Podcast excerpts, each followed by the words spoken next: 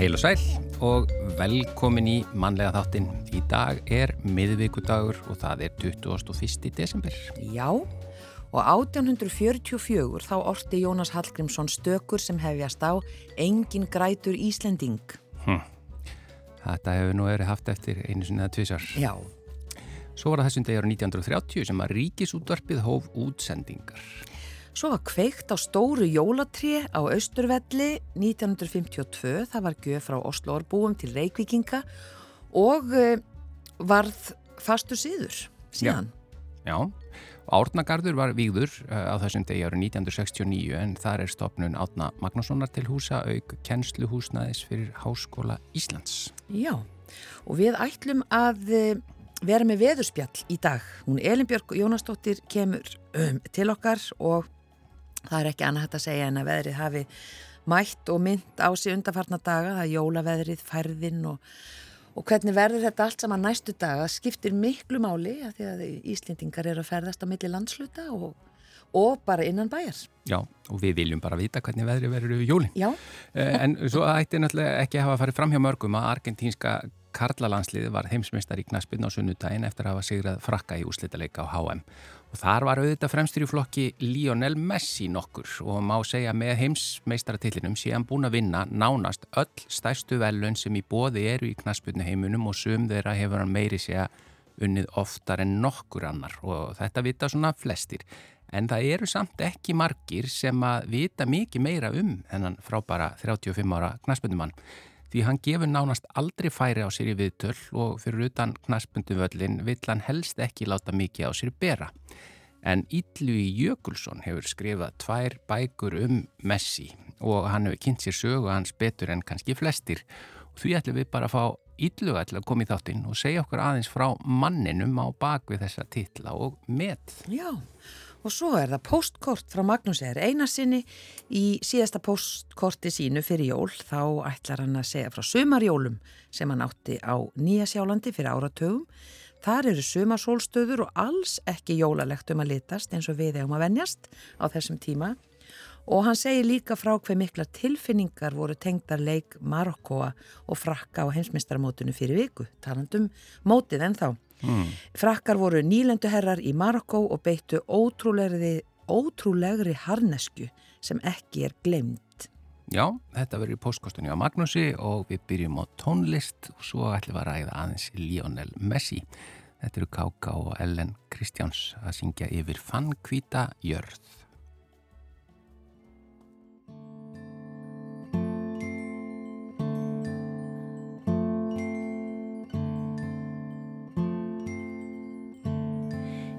Hann hvita jörleggur frið.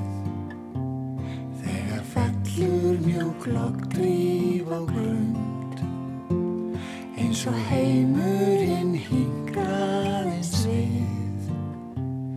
Haldi nýri sér andanum stund. Svo best ómur og samhljómur til eirna af Týrað brós mætast og börn kætast en blíðinn er börnunum laung Eftir vænting í augum og sjá. Allt er eitthvað svo spennand í dag. Jafnvel kísa hún tipplar á Þorir tæplega að mala sitt lag.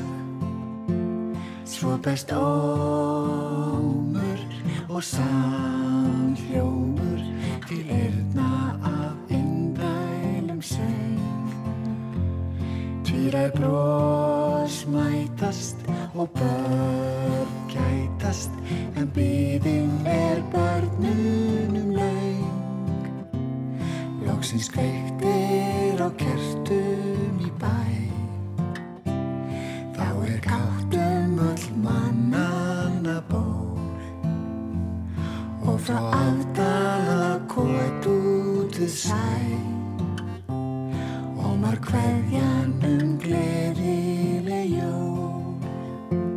Svo best ómur og samhljómur til erðna söng. Tvíra brós mætast og börn kætast en byðin er börnunum laug.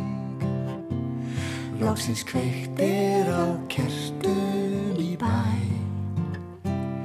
Þá er káttum all mannana ból Og frá afdala kót út við sæ Og maður kveðjan um gleðileg jól.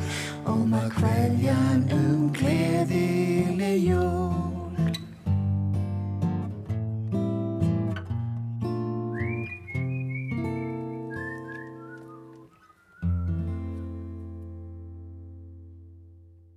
Já, eins og við sagðum frá í upphafi, þá er eh, hingað komin Íllugi Jökulsson eh, til þess að ræða við okkur í rauninni ekki um fókbólta því að það kannski verið að bera í bakkafullan lækin en okkur langar aðeins að velta fyrir okkur personu sem að hefur verið bara líklega mest í fjölmjölum af öllum í heiminum undanfarin mánuð og nánast undanfarin 25 árið eitthvað slíkt, það er Lionel Messi og all þessi umræða um besta knaspunumann sögunar og allt það. Við ætlum ekki endilega að fara beint inn í það heldur Ílju Jökulsson er hinga komin til að, skoða aðeins mannlegur hliðina á uh, Lionel Messi. Velkomin í mannlega þáttin Já, þakkaði fyrir, þakkaði fyrir. Það er alltaf sönn ánægi að tala um Messi Já, ég sá sko að því það kom nú upp hérna, auðvitað það er alltaf mikið verið að ræða og, og hérna í kringum svona stórmót og, og eftir leikin, leik Argentínu og Hollands þá var hann eitthvað að byrsta sig og, og þá var fólk að, pyrra sig á hann og hvað óalega hann leiðilegur þessi Messi og þá sá ég að þú svaraðir á Facebook eitthvað, nei, byrju, hann er ekkit leiðilegur.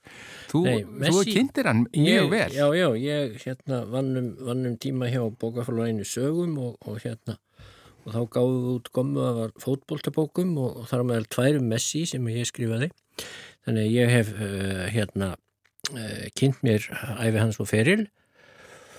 Uh, og, og hann er svolítið miskilinn hann Messi. Hann er hlétræg, þetta er hlétrægum aður, afar hlétrægur mm. hefur enga sérstakar þörf fyrir að vera í sviðsljósinu sem er kannski svolítið skrítið að segja um mann sem er alltaf í sviðsljósinu. Já það hafa af því hafa spunni, hann veitir eiginlega aldrei viðtöl og, og hérna og er ekkert að tranna sér fram og af þessu hafa spunnist alls konar sögur um það að, að, að hann sé ímist svo tröll heimskur að hann hérna að honum sé haldið utan fjölmiðlanna eða, eða þá að hann sé bara greindarskertur eða eitthvað þess aftar en hvort ekki er fjárhaldum sannir, þetta er óskup venjulegur drengur Já, hann er náttúrulega orðin hálf færtugur núna en, en svona, við kallum hann dreng. Já, það er eitthvað drengslegt við hann. Þetta er óskup vennilegu maður og hérna, en hann er bara, þetta er heilstiftur og, og hérna, og bara ágætur maður sem hefur bara ekki þörf fyrir að tjá sig nema með fótunum.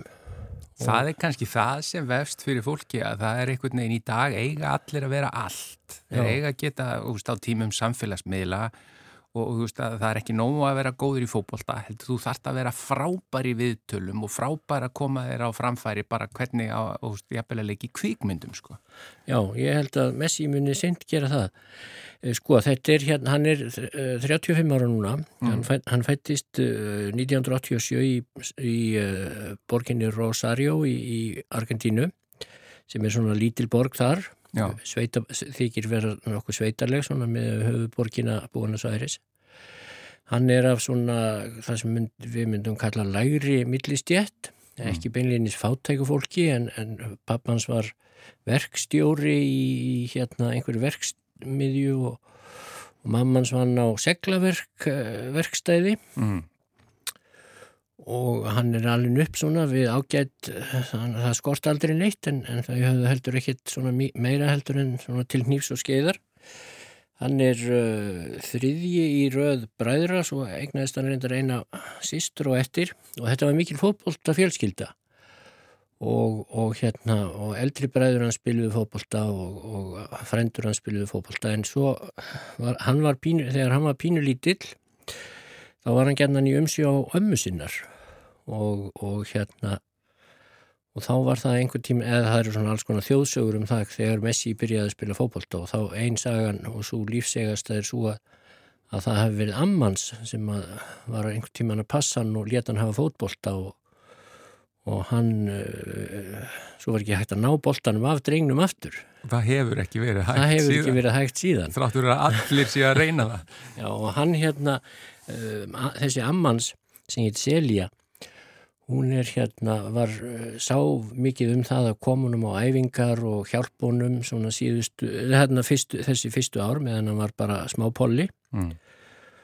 og, og uh, það var til dæmis hún sem að bað þjálfara hjá einhverju strákaliði hvort að hann mætti ekki vera með þó hann væri miklu miklu minni en allir hinnir og þjálfaran leist ekkit á blikuna og spurði hvað þessi smástöppur ætti að hefða að gera með að, með að hérna, spila við stóra stráka þrjum fjórum árum eldri. Mm. en Amman let ekki, let ekki sinn hlut þannig að Messi fekk á endanum að spila með en, en hérna, þjálfarnir sáðum að spila á kantinum. Já. að því að þá væri svo auðvelt að kipa honum út af þegar hann færi að grenja. Já, já, yfir því að, að hérna, stóru strákarnir tækja honum boltan og en hann fór ekki að grenja, hann bara skoraði 16 mörg eða eitthvað svo leiðis og hérna og, og þannig svona hóst hans feril þannig að hann hefur alltaf haft þessa ömmu sína í sérstökum hávegum og þú kannski veit ég aðtikli að þegar hann skorar mörg þá liftir hann alltaf teimur fingurum til hímins og horfir til hímins Já.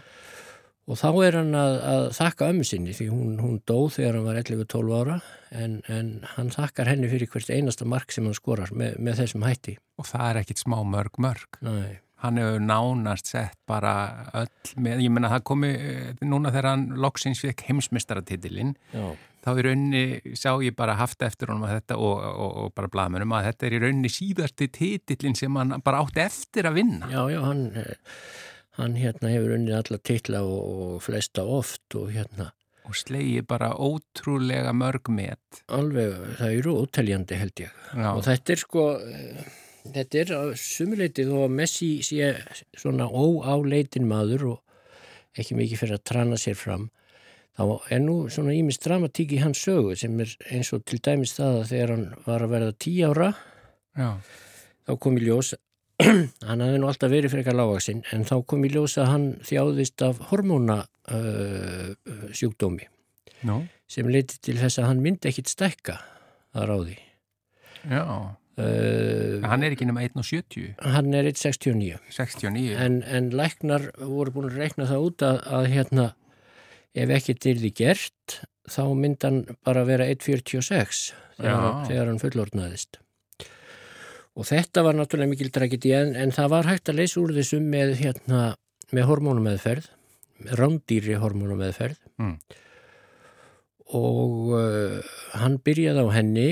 Og þá var hann komin til félagsins Noel Old Boys í, í Rosario og þótti efnispiltur. En svo reyði einhver efnahagskreppa yfir, yfir Argentínu sem oftar og þá hafði félagið ekki lengur efna á að borga þessa hormonumeðferð og fjölskyldamessi sagði alls ekki efna á því. Mm. en þá er það sem uh, fæður hans fer af stað og, og, og, og hérna kynir svonsinn fyrir fyrir stórliðum í Evrópu og, og þá kemst hann að með nokkuð ótrúlegum hætti 12-13 ára gammal hjá Barcelona. Já, hann var svona ungur. Hann var svona ungur og hann fór svona ungur að heiman vegna þess að Barcelona uh, lofaði að borga fyrir hann þessa hormónumeðferð, þannig að hann gæti farið að stækka. Og þetta var ákveðin sénsinn þeir tókuði, var, en, en náttúrulega Barcelona hafði, hafði efni á þessu mm -hmm. og uh, og þannig hófst nú hans ferill að það var sem sagt hann bjargaðist frá því að, að, að verða ef hann hefði alltaf verið svona smávaksin eins og eins og, uh, eins og stemdi að þá hefði náttúrulega einhver skipt hversu flinkur hann hefði verið. Hann hefði aldrei getað náður neitt sérstaklega langt. Já, en, en hann, fór hann, stekka, hann fór að stekka þótt hann yrði nú engin risi en, en, og þannig þannig hófst hans ferill og að því að sko, ég menna með við hversu fljótur hann er og ég menna allir þessi hormóna með fyrir það við einhvað það spilaði Nei, ég held að sé bara, sé bara hann var svona alltaf tíð sko alveg frá Já. því að Ammans sett hann hann inn á sett hann hann inn á völlin þryggjára eitthvað staðar á, á, á götu í Rosario. Hann hefur snerpu og hann er snöggur og fljótur og, og alveg ótrúlega flinkur og útsjónarsamur. Og þetta, svona hefur hann verið frá byrjun Og svo bara var hann þarna í Barcelona frá 12 ára já, aldri, þanga til bara hvað, í fyrra eða hitti fyrra? Já, hitti fyrra líklega, þá eh, var allt í klúðri hjá Barcelona og þeir höfðu ekki efna á að hafa hann lengur, þannig hann bara varða að fara þótt hann, þótt hann vildi alls ekki. Já og hefur síðan verið hjá, hjá Paris Saint-Germain meðal annars uh, í velagi við Mbappe keppinutans á í úslítarleiknum Já, þeir mætast í klefanum núna tíman bráðlega. Það, sko... fer alltaf, það fer alltaf vel á með Messi og, og öllum. Hann er, uh, hann er ekki hérna, eins og ég segi hann er óáleitin hann, hann, það er öllum vel við hann Já. sem þekkjan, nema kannski Cristiano Ronaldo því hann lítur á hann sem sinn eilífa keppinut Já, ég meina þeir hafa, þeir hafa ég, meina, ég var að skoða bara það hverjir hafa fengið gullboltan e, og ég meina frá hvort það sé 2007 þá er bara Messi annarkort búin að vinna eða búin að vera í öðru eða þriðasæti og Cristiano Ronaldo þarna líka já. í einhverju af þessum þremur eftir sætum. Þeir eru svo ólíka týpur þegar við vorum að tala um sko að það vil ekki trana sér fram. Þeir eru líka bara svo ger ólíka týpur að sækjast eftir aðtegli og annað slíkt. Og það er eitt sem að maður sér Messi aldrei gera á fókbaltafellum og það er nú eitt af því sem ég kann best að meta við hann. Hann er aldrei að sko þykjast meiðast eða aldrei að kasta sér niður eða neitt slíkt. Nei, og ef hann dettur, ef hann er feldur þá er hann yfirleitt mjög fljótur upp. Já, já, hann er ekki, hann er afskaplega heiðarlegur fótbóltamaður og hei, ég held að hann sé bara heiðarleg manneskja yfirleitt menn tala nú gerðan um það að hann var dæmdur fyrir skattsvík á spáni. Einmitt. og, og ábyggilega með réttum þetta máli snýrist um einhverjar uh, svona menn af hans kaliberi fá alltaf ofbóðslega mikið að tekjum frá auglýsingasamningnum og alls konar sponsorum og, og svona fríðindi hér og fríðindi hér og það er mjög flókið mála að greiða þessu skatt mm. og Messi var talinn hafa svikið svo sem miklar upphæðir undan skatti og, og það var hann sjálfur hefur ekki annars neitt sín skattskil, það er pappan sem sér um fjármálin, en auðvitað ber hann ábyrðina sem hérna því þetta var gert allt í hans nafni. Já. en uh, það er nú fleiri lendi í þessu meðal annars Kristján, Kristján Ronaldo. Og, og þeir hafi verið dæmdir í fangelsi á spáni en, en uh, að því að þetta var fyrsta brotbeggja og, og hérna brotin snýrust um, um peningamáli eða svona einhverja kvítfylgjabaglæpi en ekki, en ekki beinlinis hegningalagabrót þá, þá, þá slepp allir automatíst við fangilsi þannig að hvorur þeirra þurfti, þurfti nokkuð að setja inn í. Já. En uh, þetta er svona, eins og ég segi, uh, Messi sjálfur kom öruglega ekkert nála þessum skattsvikum, það afsakar hann auðvitað ekki, því auðvitað átt hann að segja pappa sínum skýrt og greinilega að hann vildi ekki að það erið að vera allt í lægi en uh, ég held að hann hafi bara ekki hérna, hann hefði sennileg ekki hugsað út í það að þyrti, þyrti, hann þyrti að hafa vit fyrir pappað sínum. En ég sá að því að ég hugsaði þetta þegar ég sá að þú varst að blanda hann í umræðin á Facebook ja. Eh, þegar einhverju voru að pyrra sig á honum eftir hann Hollandsleik. Og, og þú hefði þetta búin að skrifa þessar tvær bækur um hann og búin að stúdira hann og fylgjast með hann svona að það er augljóst að þér þykir væntum hann. Já, ég held að þetta sé, að þetta sé alveg opbáslega vandaður, vandaður hérna vandaður piltur börst sér frá skattsveikunum sem verður náttúrulega alltaf einhver blettur á hans ferli en, en uh, þetta er bara maður sem að, ég held að þetta sé afskaplega heiðarlegu maður, hann er, hann á, hann, hann er góðu við börnin sín sem ég finnst alltaf í raun og veru skipta öllu máli í, í fari hvers manns, hvort menn eru góður við börnin sín eða ekki. Það er stundum, eða var sérstaklega það var gert lítið úr, úr Messi anspænis Diego Maradona hinnum argentínska snillingnum sem að hérna allir þekkja. Stöðugt borðni saman. Já og öllum fannst uh, það var talað um hvað, hann, hvað Messi væri óspennand og leiðinlegur og, og svona bara einhver döfgerður hérna döflindi spúki miða við einn svona uh, mikla snilling Maradona sem að fórum með slætti og, og hérna létt allstaðartak eftir sér og svona þá væri Messi frekar ómerkilegu maður en ég eh, er ekkert sammála því. Ég held að, að hérna, þótt eh, Maradona hafi verið mikill snillingur og fókbóltavelli þá held ég að hann hafi ekki verið merkileg persóna og hann var til dæmis ekki góður við börnin sín.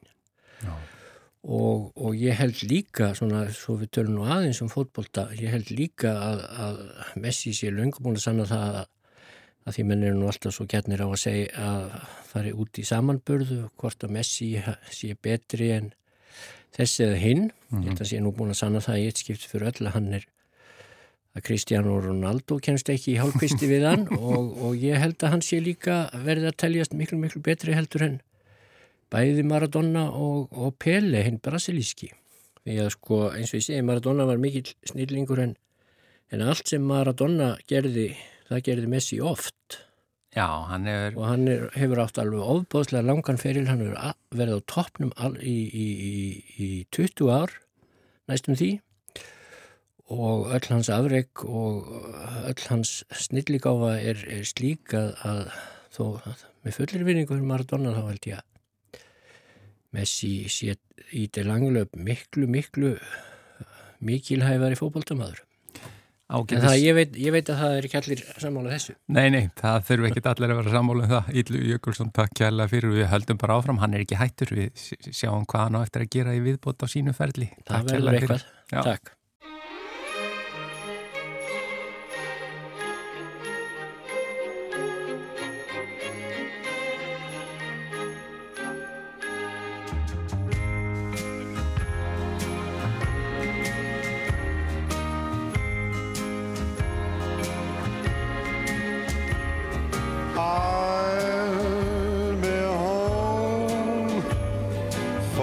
Christmas. You can plan on me. Please have snow and mistletoe and presents.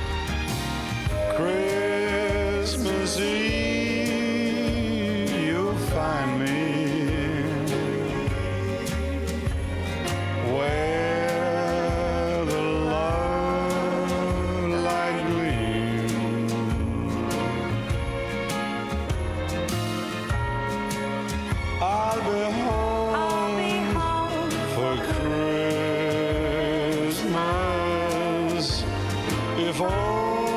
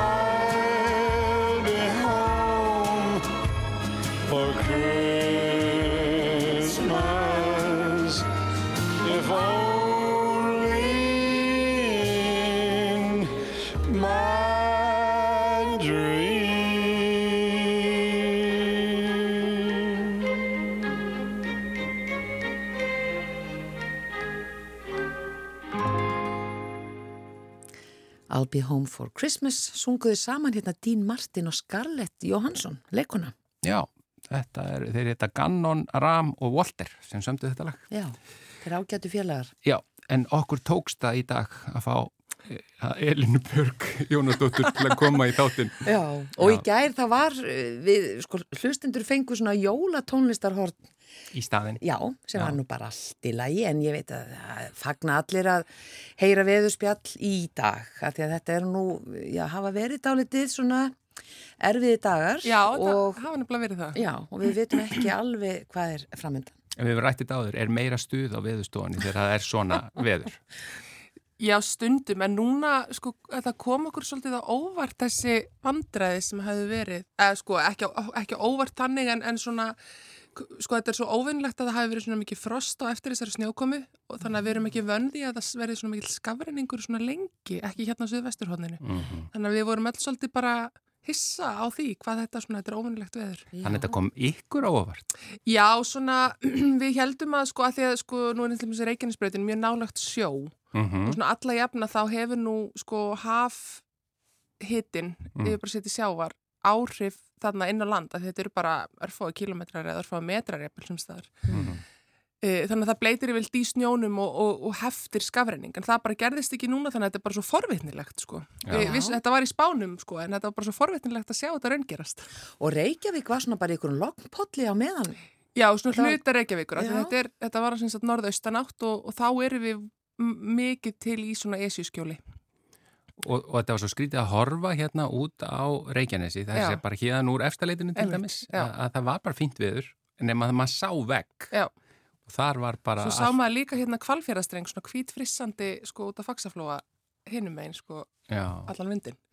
og að þetta er svo stutt vegalengd, Já. það þurfti bara hreinlega að fljúa fólki á milli. Já, sem er alveg með ólíkitum að flugvellurinn hafi verið, það er líka svo óvennilegar aðstæður, Já. að það sé hægt að fljúa Já, en, ekki einnig komast til og frá. Já. En uh, sko, hver er staðan í dag? Hún er miklu betri. Vindurinn gekka miklu leiti niður núna í morgun og svona norðaustanátt er oft lengi að ganga niður en, en það er svona að hafast. Þannig að, og, og svo hefur aðeins, aðeins hlánað líka, það var aðeins hækkað hitastíði sem að heftir þá uh, skafringin. Svo gerist það nú alltaf smám saman bara í svona vindi að snjórin bara pakkast og, og verður ekki svona laus í sér og þá skefur hann sko síður. Þannig að þetta er nú svona tíminn og, og veðrabreitingar þannig að hafa aðeins unni með okkur. Mm.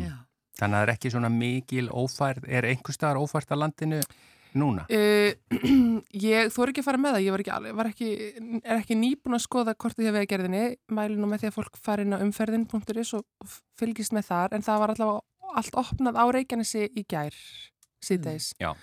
Uh, en hins vegar sko snjóaði svolítið mikið í jæljagangi á norðan austanverðu landinu í gerðkvöldi og, og í nótt og er áframhaldandi jæljagangur í dag.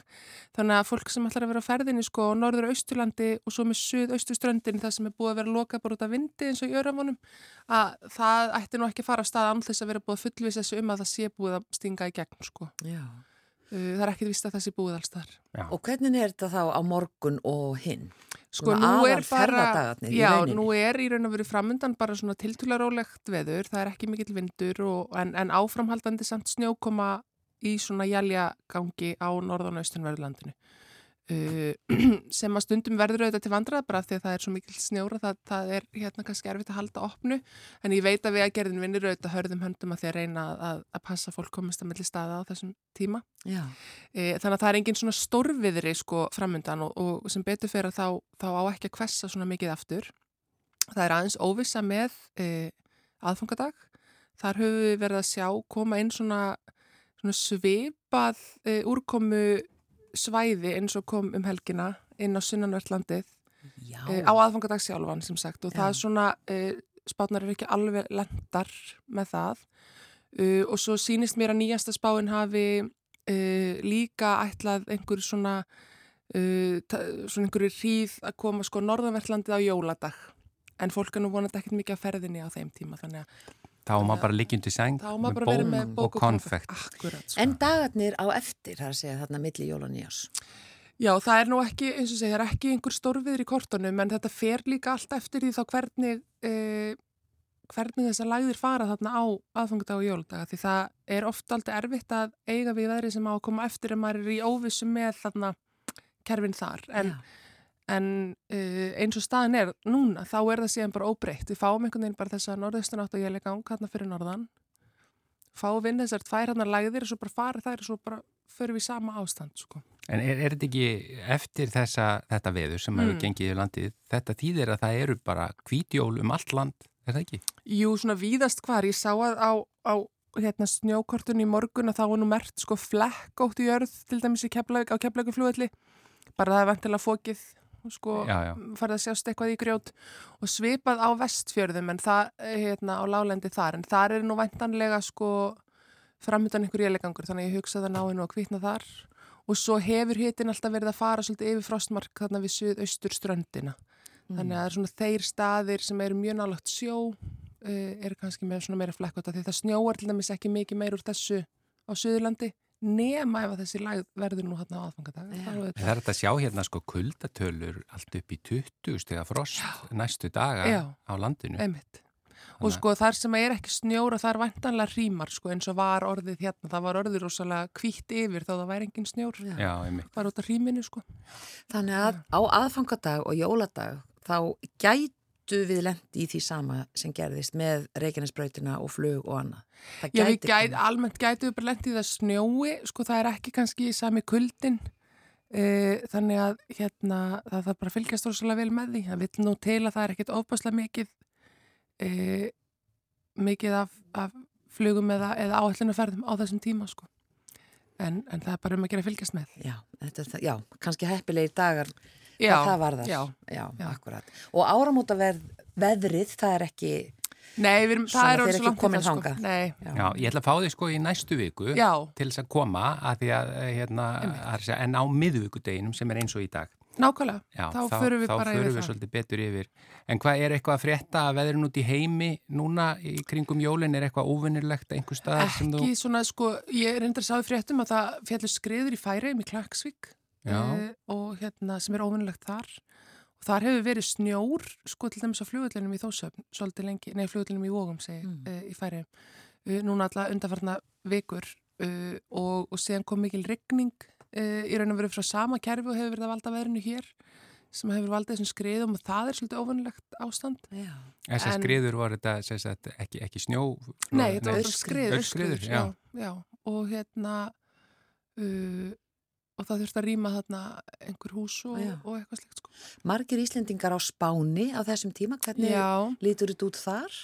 sko, bara þeir Íslendingar sem að ég er með á samfélagsmiðlum og er á Spáni, allavega bera sig mjög vel, þannig að ég hef engar áhyggjur af þeim. Það er nú svo margir Íslandingar á Spáni á þessum árstíma Já. eða, Tenerife eða hvar sem það er. Þið komið ekkert með einhver svona veðustofan, hér er ekki með veðusspá fyrir þessi svæði bara... Nei, ég eftirlæti bara spænsku viðstofinni alveg það. Já. Já, aemet.se. Nei, es. Já, aemet.es, já. Mhm. Sko. hérna, vinir vita mínir þar, ég þekki, þekki ágætlega hérna nokkra viðfanga í Madrid og spænsku viðstofuna, þau eru alveg með þetta, þau sjá alveg um það. Já, en þar er það kannski spurning hvort þú þurfur að vera í, í sokkum undir töflunum. Eða ekki. Já, eða með Já. peysu á kvöldin, sko. Já, Já, þetta er svona já, þetta er ekki alveg sömu málinn sem er Nei, verið að ræða í sambandi og hér. En e- stuttbuxur eða síðbuxur, já. Elín Björk, svona er þetta bara, þetta er jólaveðrið og þú Já. þorir ekki að lofa neinu með, með áramóta veðrið, þannig Nei, nei, ég við förum bara yfir það með tíð og tíma, sko. já. Já. Í næstu viku. Næstu viku. miðugudaginn næstu viku. Takka þér innilega fyrir komuna og við ætlum að fá hérna Bakkalút og GTRN. Þetta er nú bara óskalag fyrir þig eða ekki? Akkurat, nýja uppáhaldsjólalagi mitt.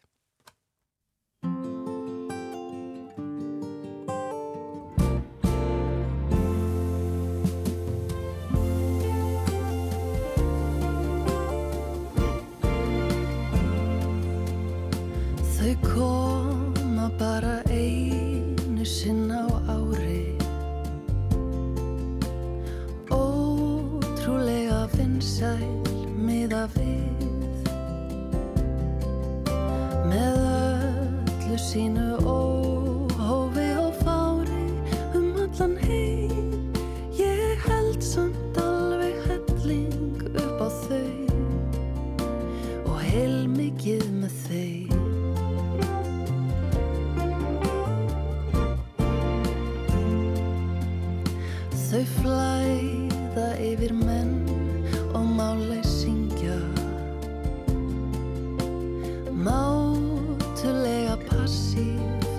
aggressív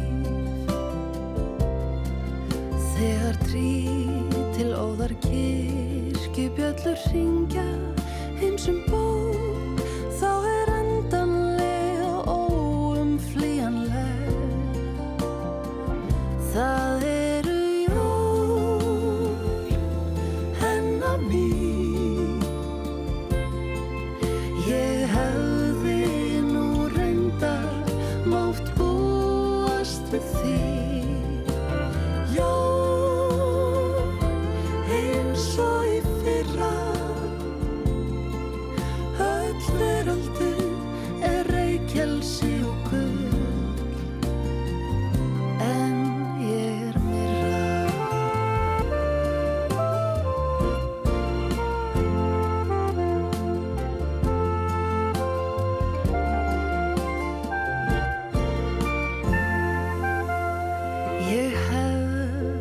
átt að elska þig úr líf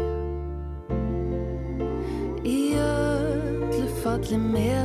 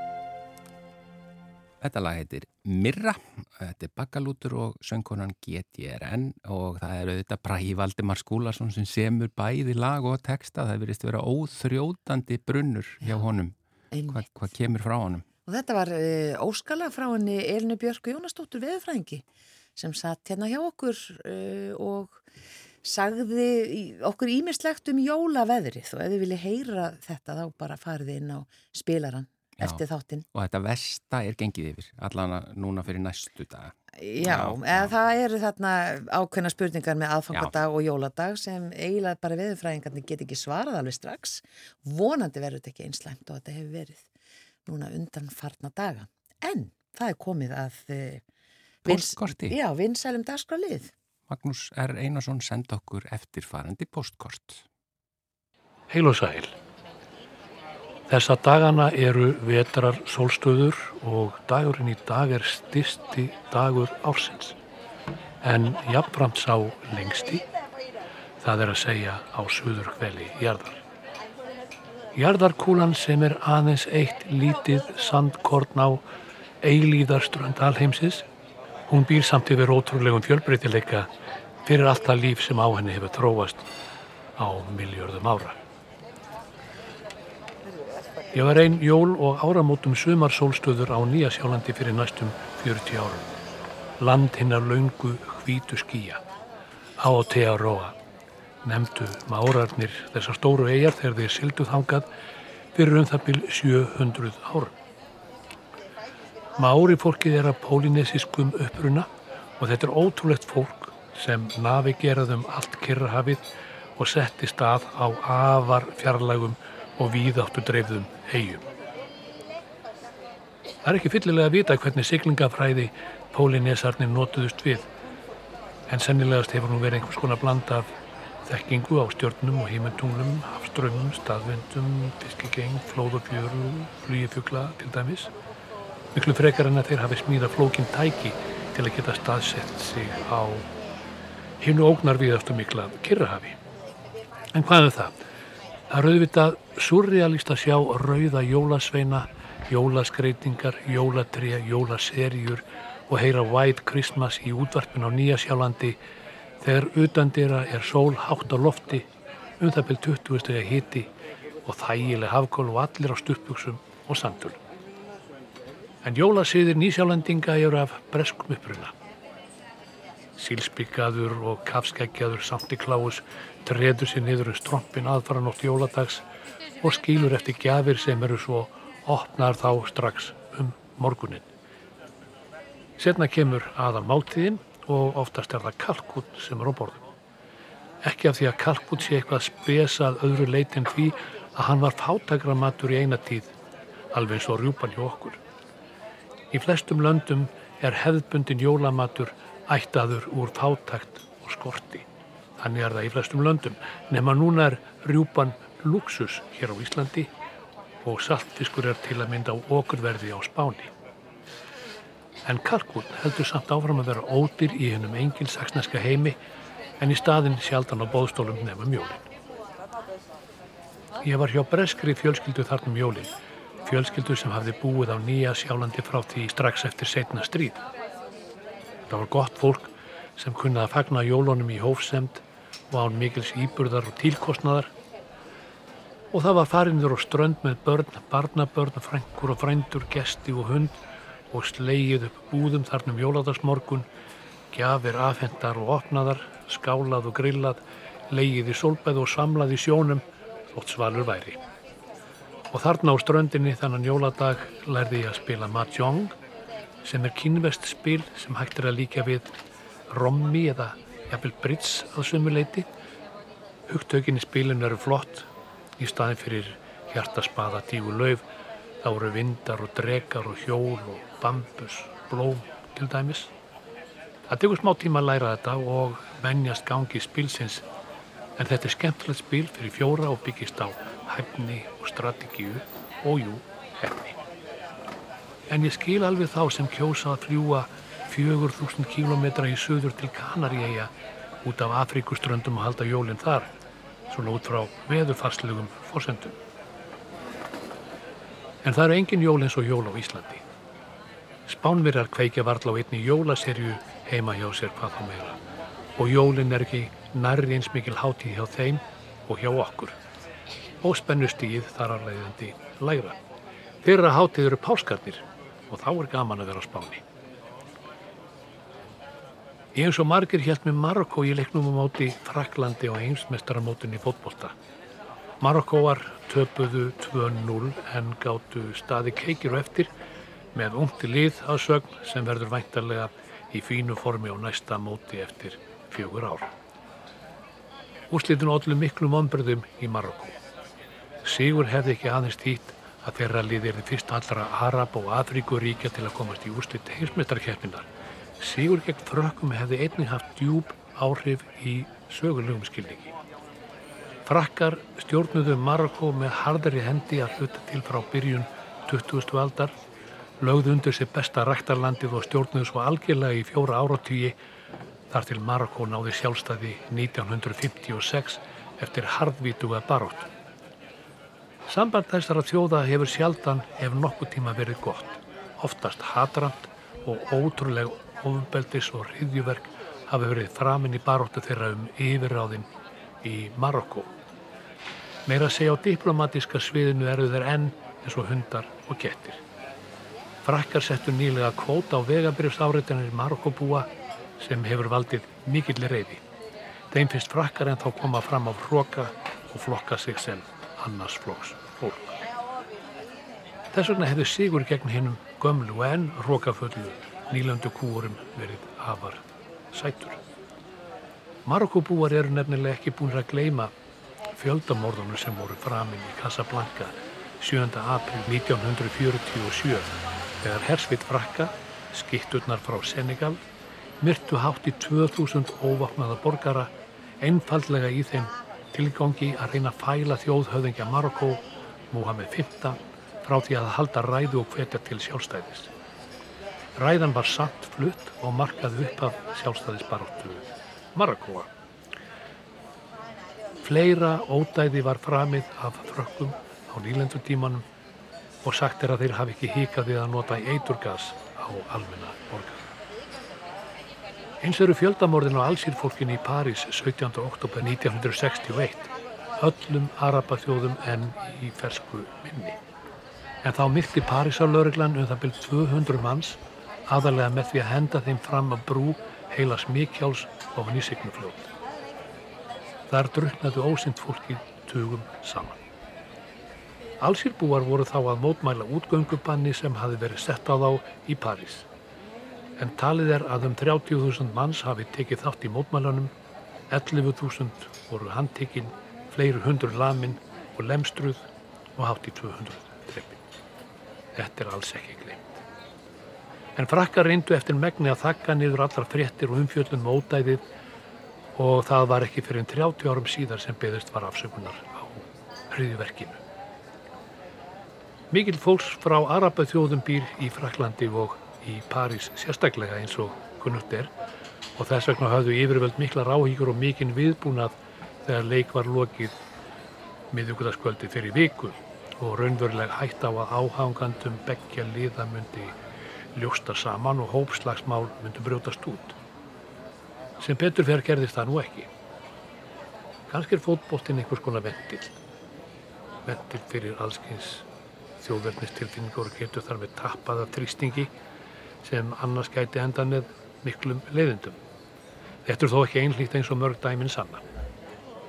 Þess að skemst að minnast að stríð braust út melli El Salvador og Honduras annan ágúst 1969 eftir óverðir vegna úslita í undankeppni fyrir heimsmyndarkeppni minn fótbolta 1970.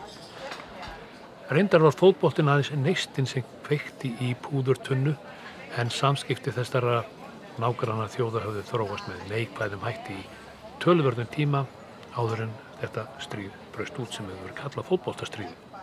Það varði í aðeins 100 klukkutíma en skaðin var mikil. Fótbólti leysir í sjálfu sér engan manda en hann losar um tilfinningar eins og sjámátt í útsendingum sjómars. Ég sjálfu gleymis seint stuttum stríðstansi sem ég steg einn mann á tróðfullu torki í París 16. júni 2018 þegar Hannes Þór Haldursson varði í vítaskóti Lionel Messi á heimsmyndstaramótunni í Rúslandi.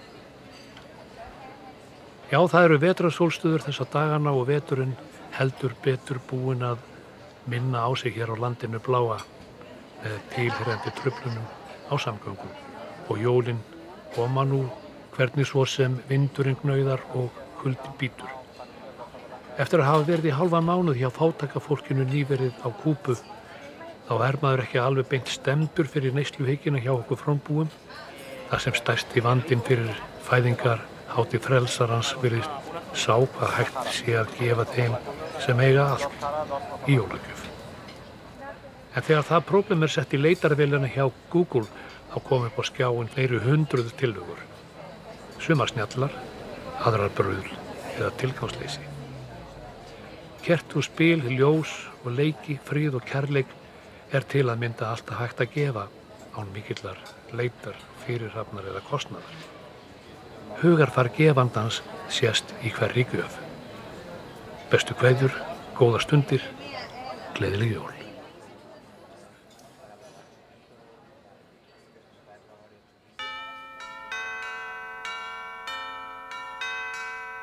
Someday at Christmas, men won't be boys, playing with bombs like kids play with toys. One warm December, our hearts will see a world where men are free. Mm, someday at Christmas, there'll be no wars when we have learned what Christmas is for. When we have found what life's really worth,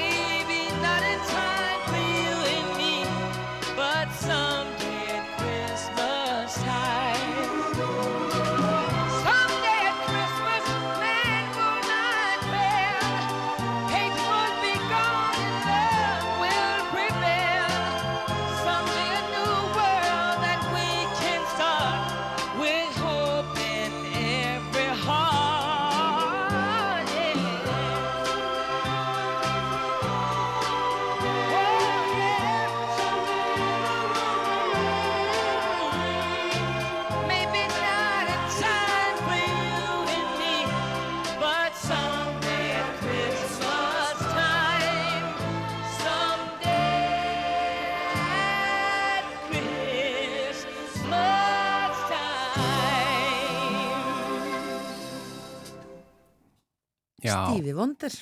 Stevie, þetta lag er indislegt Já, eins og reyndar mörg jólalög en þetta er eiginlega eitt af mínum upp á alls já, indislegt. Já. E, við þökkum bara samfélgina í dag, þennan miðvikudaginn verðum hér aftur á morgun, það er síðasti þátturinn okkar fyrir jól. Og þá erum við með dásamlegan föstudagsgest. þrátt fyrir að sé fimmtudagur. Já, fimmtudagsgestur. Já, og matarspjall, við færum föstudaginn yfir á fimmtudag. Já, Já, en við bara þökkum minnilega fyrir samfélgin í dag verðið sæl.